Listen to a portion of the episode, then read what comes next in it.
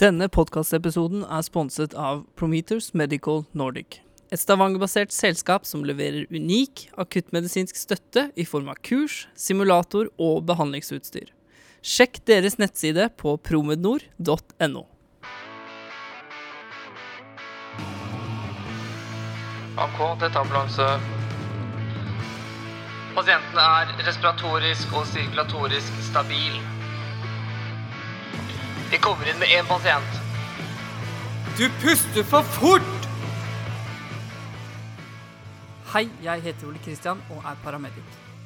Det er så utrolig mye jeg lurer på innenfor akuttmedisin. Derfor har jeg laget podkasten Du puster for fort. For å få svar på noen av de spørsmålene jeg lurer på, så er planen å invitere flere gjester som kan prate om det de er gode på. Skal vi se, her er det, vet du. Her er eh, Skal vi se Bygg 8 skal jeg på inn på. Bygg 8 kvinnesenter. Mannen jeg skal prate med nå, jobber som overlege på Ullevål universitetssykehus. Han skal være med å roe nervene mine litt grann når det kommer til svangerskapskomplikasjoner og Hei. fødsler. God dag. Torbjørn Broch Steen her, overlege på fødeavdelingen. Hei, Ole Kristian. Ja, du ville ta meg med hit? Ja, du vet hva, Vi må jo være der hvor det er action, så nå er vi på en eh, fødestue. Han guider meg inn på en fødestue. Der har han tenkt at vi skal spille inn denne og dette er jo et sted hvor det vanligvis er en fødende dame. Det tok vi ikke med i dagens podkast. Men dette her er der hvor det skjer, og, og mirakelen eh, skjer daglig. Og her hos oss så har vi jo 20 I forrige podkast så er snakket vi om komplikasjoner Men, ved eh, svangerskap. og det her er det et I dagens podkast så skal vi snakke om og, den eh, normale fødselen. Med oss så har vi igjen Torbjørn eh. Brook Steen. Det var jo mye morsomt.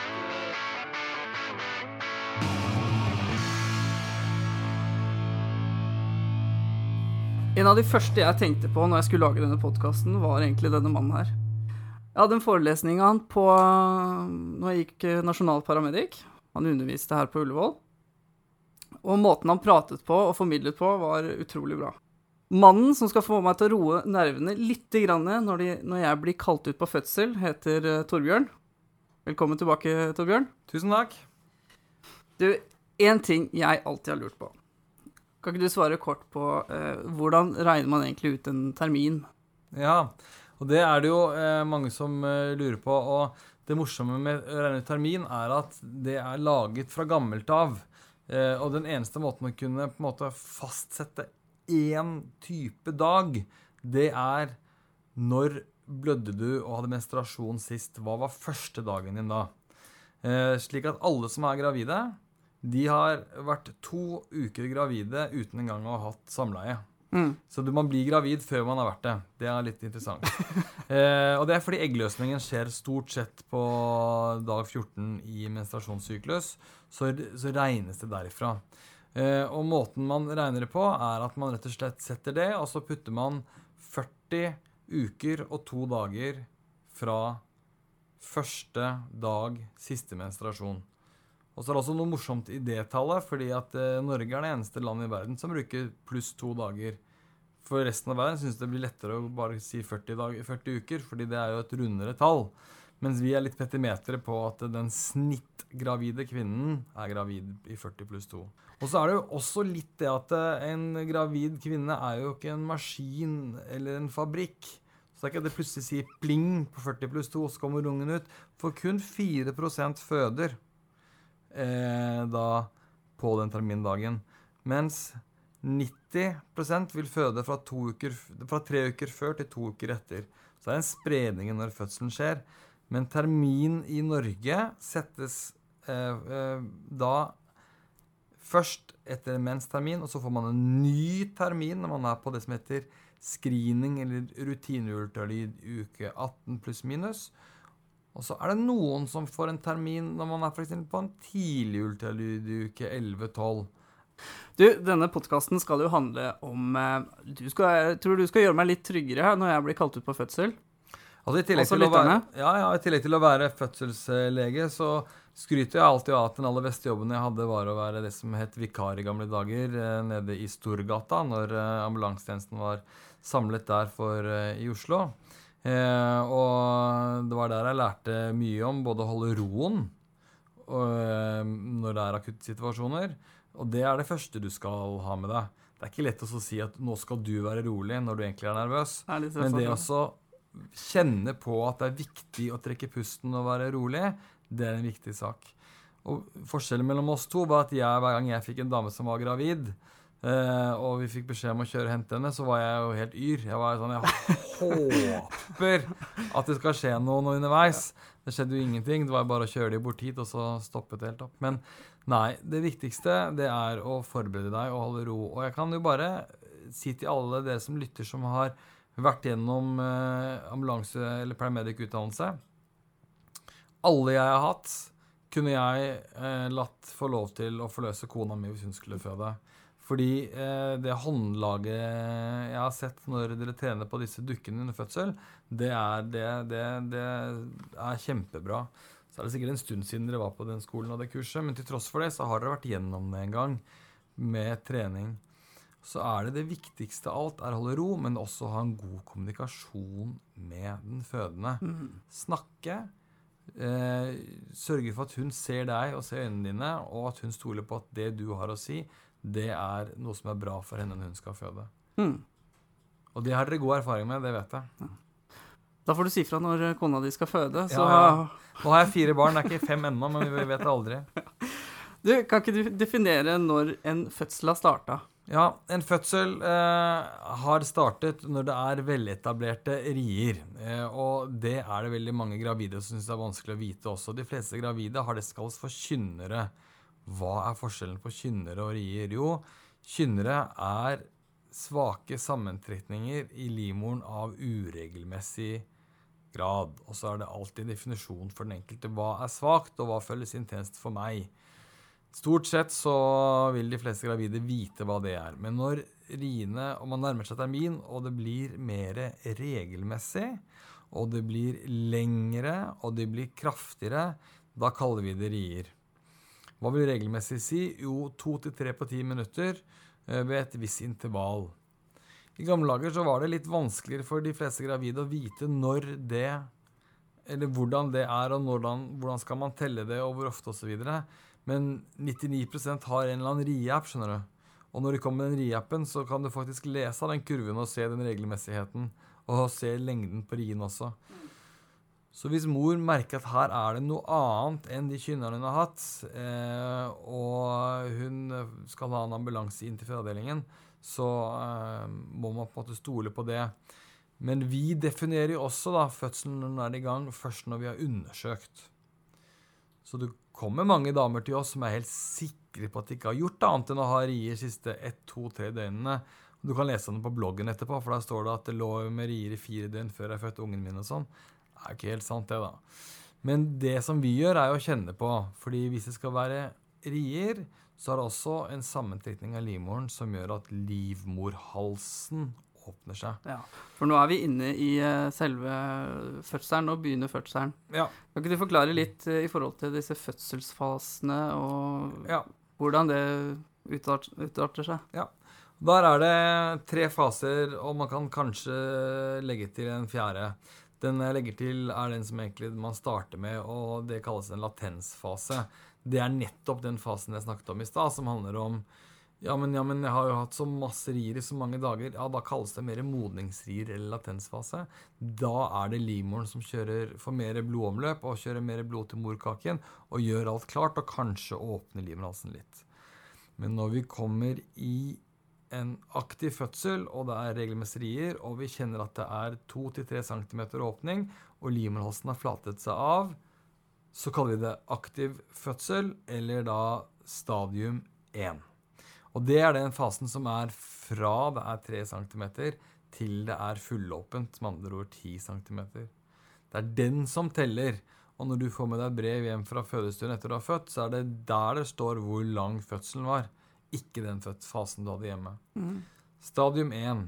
For de aller fleste så går det i snitt for førstegangsfødende 1 cm pluss minus i timen. Kan strekke seg ut og bli lenger. Ikke noe farlig i det. Og noen føder raskt. Så kommer du til stadium 2, og det er det stadium som hva skal vi si, eh, er mest action-packed. Er da det er spennende. Det er det som kalles trykkefasen. Og stadium 2 og trykkefase, det er når du har fullåpent, og hodet kommer ned til eh, åpningen, da. Eh, og da står den egentlig bare titter rett innenfor. Man kan kjenne hårtuster, eller man kan kjenne hodet ved å, ved å kjenne etter. Og når man da skal trykke, så er det den aktive trykkefasen. Ofte så snakker kvinner om at de kjenner pressrier. Det er faktisk det at hodet ligger og presser ned i fødselskanalen, og det er ganske ubehagelig, og de riene øker i styrke. Så kroppen skjønner at nå skal vi gi gass, for nå skal vi trykke ut en unge. Og i tillegg så må ungen ut også ved å presse. Så kommer den fasen som kalles eh, stadium 2, eller trykkefasen. Og det er den fasen hvor hodet har kommet seg ned i eh, fødselskanalen, og kvinner kjenner det ofte som at de da må trykke, og riene blir sterkere. Så kroppen har nå sagt fra om at nå er det på tide at ungen skal ut. Og når de riene kommer, ja, da er det da er det viktig at man har etablert den trygge opplevelsen og følelsen, fordi det er da man skal kommunisere sammen for å få dette til, nemlig å trykke barnet ut. Og måten eh, man skal gjøre det på, er at eh, du skal eh, be mor fylle lungene ordentlig med luft, og når lungene er fulle av luft, så skal du be henne trykke på alt hun makter. Og mitt mål er at hun trykker omtrent to til tre ganger per ri. Men la oss si at vi er nå hjemme, vi skal vurdere om eh, den gravide rekker turen inn til Ullevål, Mm. her hvor du jobber, eller om eh, vi må starte hjemme. Hvis det er slik at hun eh, sier selv at 'jeg føler at ungen er på vei ut', det er jo et clou. Mm. Eller så kan hun si at 'det kjennes ut som at jeg må bæsje', og grunnen til det er at da ligger det og hodet og presser akkurat på endetarmen, som da gir den opplevelsen. Eh, eller at riene er sånn at hun, at hun lager lyder av de riene. eh, Og kjenner på en sånn uro. Da syns jeg det vil være riktig å ta ned og kjenne etter. Eh, og da er det rett og slett å kjenne om man kjenner det hodet. Og hvis det er slik at eh, hodet både synes, at det, det begynner å åpne seg, og sånt, så da er det jo ikke noe valg. Hvis du kjenner etter og fordi hun skriker så fælt og har det så vondt, og du tenker jeg kan jo ikke ha fødsel i trappen når jeg bærer henne ned heller, og du ikke engang klarer å kjenne hodet, da er det for langt opp til at det blir fødsel rundt hjørnet. Mm. Selvfølgelig kan ting snu seg ganske fort, da. Mm. Men da ville jeg puttet henne i, eh, på båra og kjørt henne, og så bare fulgt med. For det, kvinner reagerer forskjellig. Noen eh, ligger helt stille og nesten ikke sier et eneste ord. Og noen lager virkelig lyd på at 'her er jeg, og dette er vondt'. Mm. Kan ikke du si litt om hvordan vi skal undersøke den gravide, da, når, når vi er så nærme? Ja. Du sier at du skal du undersøke, du må se om du får Om du ser hodet, om du kan Ja. kjenne hodet. Hvordan gjør du det? Nei, det er, det, det er egentlig bare å putte to fingre inn i eh, kjønnsåpningen, og så eh, vil hodet være der ganske med en gang. Da er den på det som heter bekkenbunnen. Og er den høyere opp, så er det ikke tid på å trykke i det hele tatt. Eh, og eh, jeg har aldri undervist noen gang om å kjenne etter åpning, fordi det, det blir rett og slett vanskelig. Eh, det å vite om det er 9 cm eller 10 cm eller ikke, det kommer til å være vanskelig, for det kan selv vi være, om ikke usikre på, men være litt uenig i. Og du trykker ikke fra 10 cm. Men igjen, har hun en følelse av at nå må noe ut, jeg klarer ikke å stoppe det, ja, da er det det der. Mm. Det er veldig mange som har angst i forhold til eh, det å føde. Ja. Uh, mye av det går kanskje på det at man er redd for å revne eller for gifter. Ja. Hvordan er det vi kan forhindre det her prehospitalt?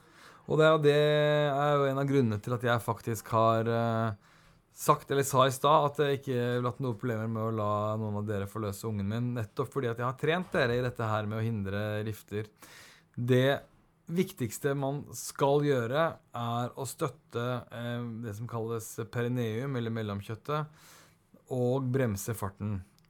Og så vil nok kanskje du tenke jo da, det er greit, du var på, hadde meg som foreleser for x antall år siden, og da husker jeg at det var en eller annen måte jeg støttet på, men den har jeg glemt for lenge siden. Ja, du glemmer det du ikke øver på ofte. Mm. Så hvis det er noen ting du skal huske på, så er det bremse farten på hodet. Fordi de ungene dere skal forløse, de kommer i en rasende fart. Mm. Så det å holde igjen og la hodet, som vi sier, krone over en ri.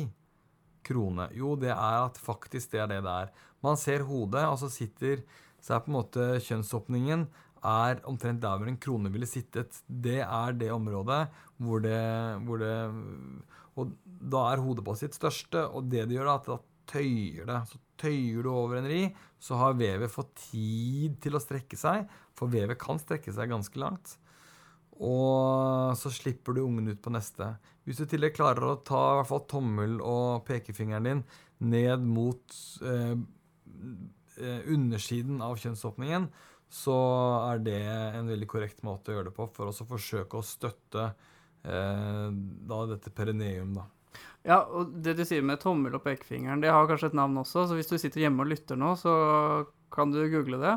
Absolutt. Og det, det, ja, det heter eh, både Ritkens håndgrep, R-I-T-G-E-N, eh, og så kan man google finskegrepet. Men for å gi litt reklame for uh, min avdeling og oss, så er min kollega uh, Katarina Laine har gjort mye forskning på dette og er nå en nestor i verden på tema støtting. Så hun reiser rundt, og de landene hun har vært i, så kaller man det faktisk the Norwegian Way. Sånn at uh, du kan til og med google The Norwegian Way og perineal support, så får du også de samme bildene. Men da, da, da ser man hvordan det ser ut. Og det er lagd en YouTube-film også som du kan finne. Mm. Det er mulig du sa det også i stad. Eh, når skal man holde igjen litt? Grann, og når skal man begynne å trykke? Jo, du skal trykke kun på ri. Det er viktig. Og du skal trykke og trykke og trykke helt til da hodet kroner. Og når det kroner, som sagt, så skal du da prøve å holde igjen og ikke trykke. Og da er det litt viktig at du sier til denne kvinnen nå skal du ikke trykke. Og, og, de fleste kvinner eh, driter i det. De trykker fordi det er så innmari vondt. Eh, og eneste måten å få da denne kvinnen til å ikke trykke på, det er å be henne gjøre det vi kaller for hundepust. Kan føles litt flaut, og det har alltid vært mye latter eh, når jeg har undervist, men det er den eneste måten hvor kvinner klarer å koble ut og ikke klarer å trykke. For når du puster hundepust, så eh, vil eh, det automatisk være slik at du klarer ikke å gjøre det samtidig som du trykker hardt. Sånn i gjennomsnitt kan man sette noen ord på hvor lang tid en fødsel tar? Ja da. man har førstegangsfødende og så man har annengangsfødende. Man sier jo at flergangsfødende øh, føder fortere enn førstegangsfødende. Ja, ja. Jeg tar det kona mi, så var førstefødselen en eh, lang og seig sak. Eh, og da eh, fødte hun over omtrent uh, ti timer. Men hun gikk da inn i kategorien helt normal fødselslengde. Og det er at det er en centimeter i timen i snitt. Og så er det slik at fødselen er også dynamisk. Noen fødsler starter litt saktere, og så tar det seg opp på slutten.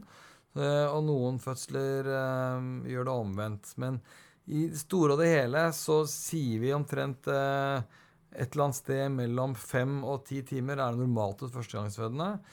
Og når min kone fikk nummer to, ja, det gikk litt fortere. Og nummer tre og nummer fire, så var det så vidt vi rakk å komme inn. Så det er en sannhet i at du føder raskere og lettere i snitt med dine barn to og tre. Og så finnes det selvfølgelig unntak fra sannheten. Eh, og når det gjelder eh, trykking, så vil det også variere, men eh, tre kvarter er en vanlig trykketid hos den førstegangsfødende. Hos flergangsfødende vil de også halveres. Og har du født veldig mange barn før, og hvis dere kommer inn til en dame i en leilighet som skal føde sitt femte barn, og hun sier at 'nå må jeg trykke', da tror jeg vi snakker én ri. Akkurat. Nå er barnet ute, um, og i læreboka så står det det at man, uh, man uh, ikke skal kutte navlestrengen dersom det når mors bryst. Men når skal vi kutte navlestrengen?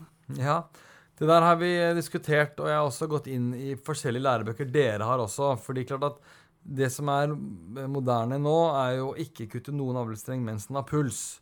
Det er egentlig relativt gammel lærdom, men ganske så nytt på en sånn høyavansert fødeavdeling som her. For her er ungen ute, avnavler og videre i livet. Men vi avnavler aldri før uh, pulsen er uh, sluttet. Og når den er sluttet, så er det ikke noe bruk for morkaken og navlestolen mer. Så jeg har aldri sett noen grunn for ikke å avnavle. Eh, eh, og dere har utstyr til å kunne gjøre det. Eh, og klart at eh, man kan også hypotetisk sett se for seg at hvis barnet ligger oppå mors bryst, så kan også barnet blø inn tilbake i morkaken. Så jeg ville anbefalt eh, at man avnavler når det er puls, pulsløs navlesnor. Sånn til slutt, har du eh, noen tips hvordan vi kan forberede oss til prehospital fødsel? Bare sånn, både sånn mentalt og når vi er ute? Jeg tenker at eh, alt hjelper med trening. Og det at man har en eller annen fødedukke i nærheten som man kan plukke opp av og til Det trenger ikke å være like ofte som man trener på AHLR, men av og til så kunne man trent på en, eh, en sånn eh, dukke. Eh, fordi det er noe med at det sitter i hånden, så sitter det i hånden. Eh, og så er det annerledes i selve fødselen, selvfølgelig. Eh, men sånn rent mentalt sett tenke at en av de tingene de aller fleste paramedicene jeg har møtt, eh, har og er, er nettopp at de er, har den roen til å kunne klare å kommunisere med den kvinnen som skal, skal føde. Og så skal man tenke en ting til. Dette er en naturlig prosess. Dette her er noe som eh, kommer til å gå bra. Eh, og det er ekstremt sjelden at det ikke gjør det. Så sånn som jeg ser det, så er det jo en veldig lykkelig situasjon, og det handler om at det er derfor jeg valgte faget mitt. Men tenk på det som at nå skal jeg inn i noe positivt. Noe som ikke er sykdom.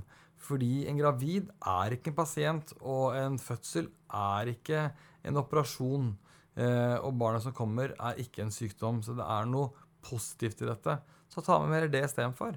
Og stol på dere selv. Og hadde jeg hatt noen studenter som jeg hadde ment ikke skulle egnet seg, så hadde ikke jeg vært redd for å si fra. Og alle de jeg har hatt gjennom, og det begynner å bli noen hundre nå, de er folk som jeg stoler på der ute med fødsler. Mm. Det ble siste ord, i hvert fall sånn faglig, i denne podkastepisoden. Eh, Torbjørn, du er ute med ny bok i disse tider. Ja, nå kommer det en bok eh, i slutten av eh, februar. Og det er jo en bok som er en lærebok på mange måter, men mest lærebok for gravide. Altså det er en sånn bok som eh, jeg håper da blir populær og vil være til nytte for gravide å lese, som heter Nytt liv. Og den kommer gjennom Kagge forlag og vil være i bokhandelen i starten av mars. Mm. Vi har fått tak i to bøker. Vi skal gi bort én bok nå. Gå inn på Facebook-siden, og så blir du med på quizen der. Så kan du være den heldige vinneren av boken. Klarer vi å få den signert, eller? Ja da, selvfølgelig skal vi få den signert. Ja, godt. Hjertelig takk for at du kunne komme nok en gang, eh, Torbjørn, til denne podkastepisoden. Bare hyggelig. Dagens Du puster for fort er over. Vi er tilbake neste gang. Gå inn på der du lytter på din podkast, trykk på abonner, så vil du få flere podkaster senere.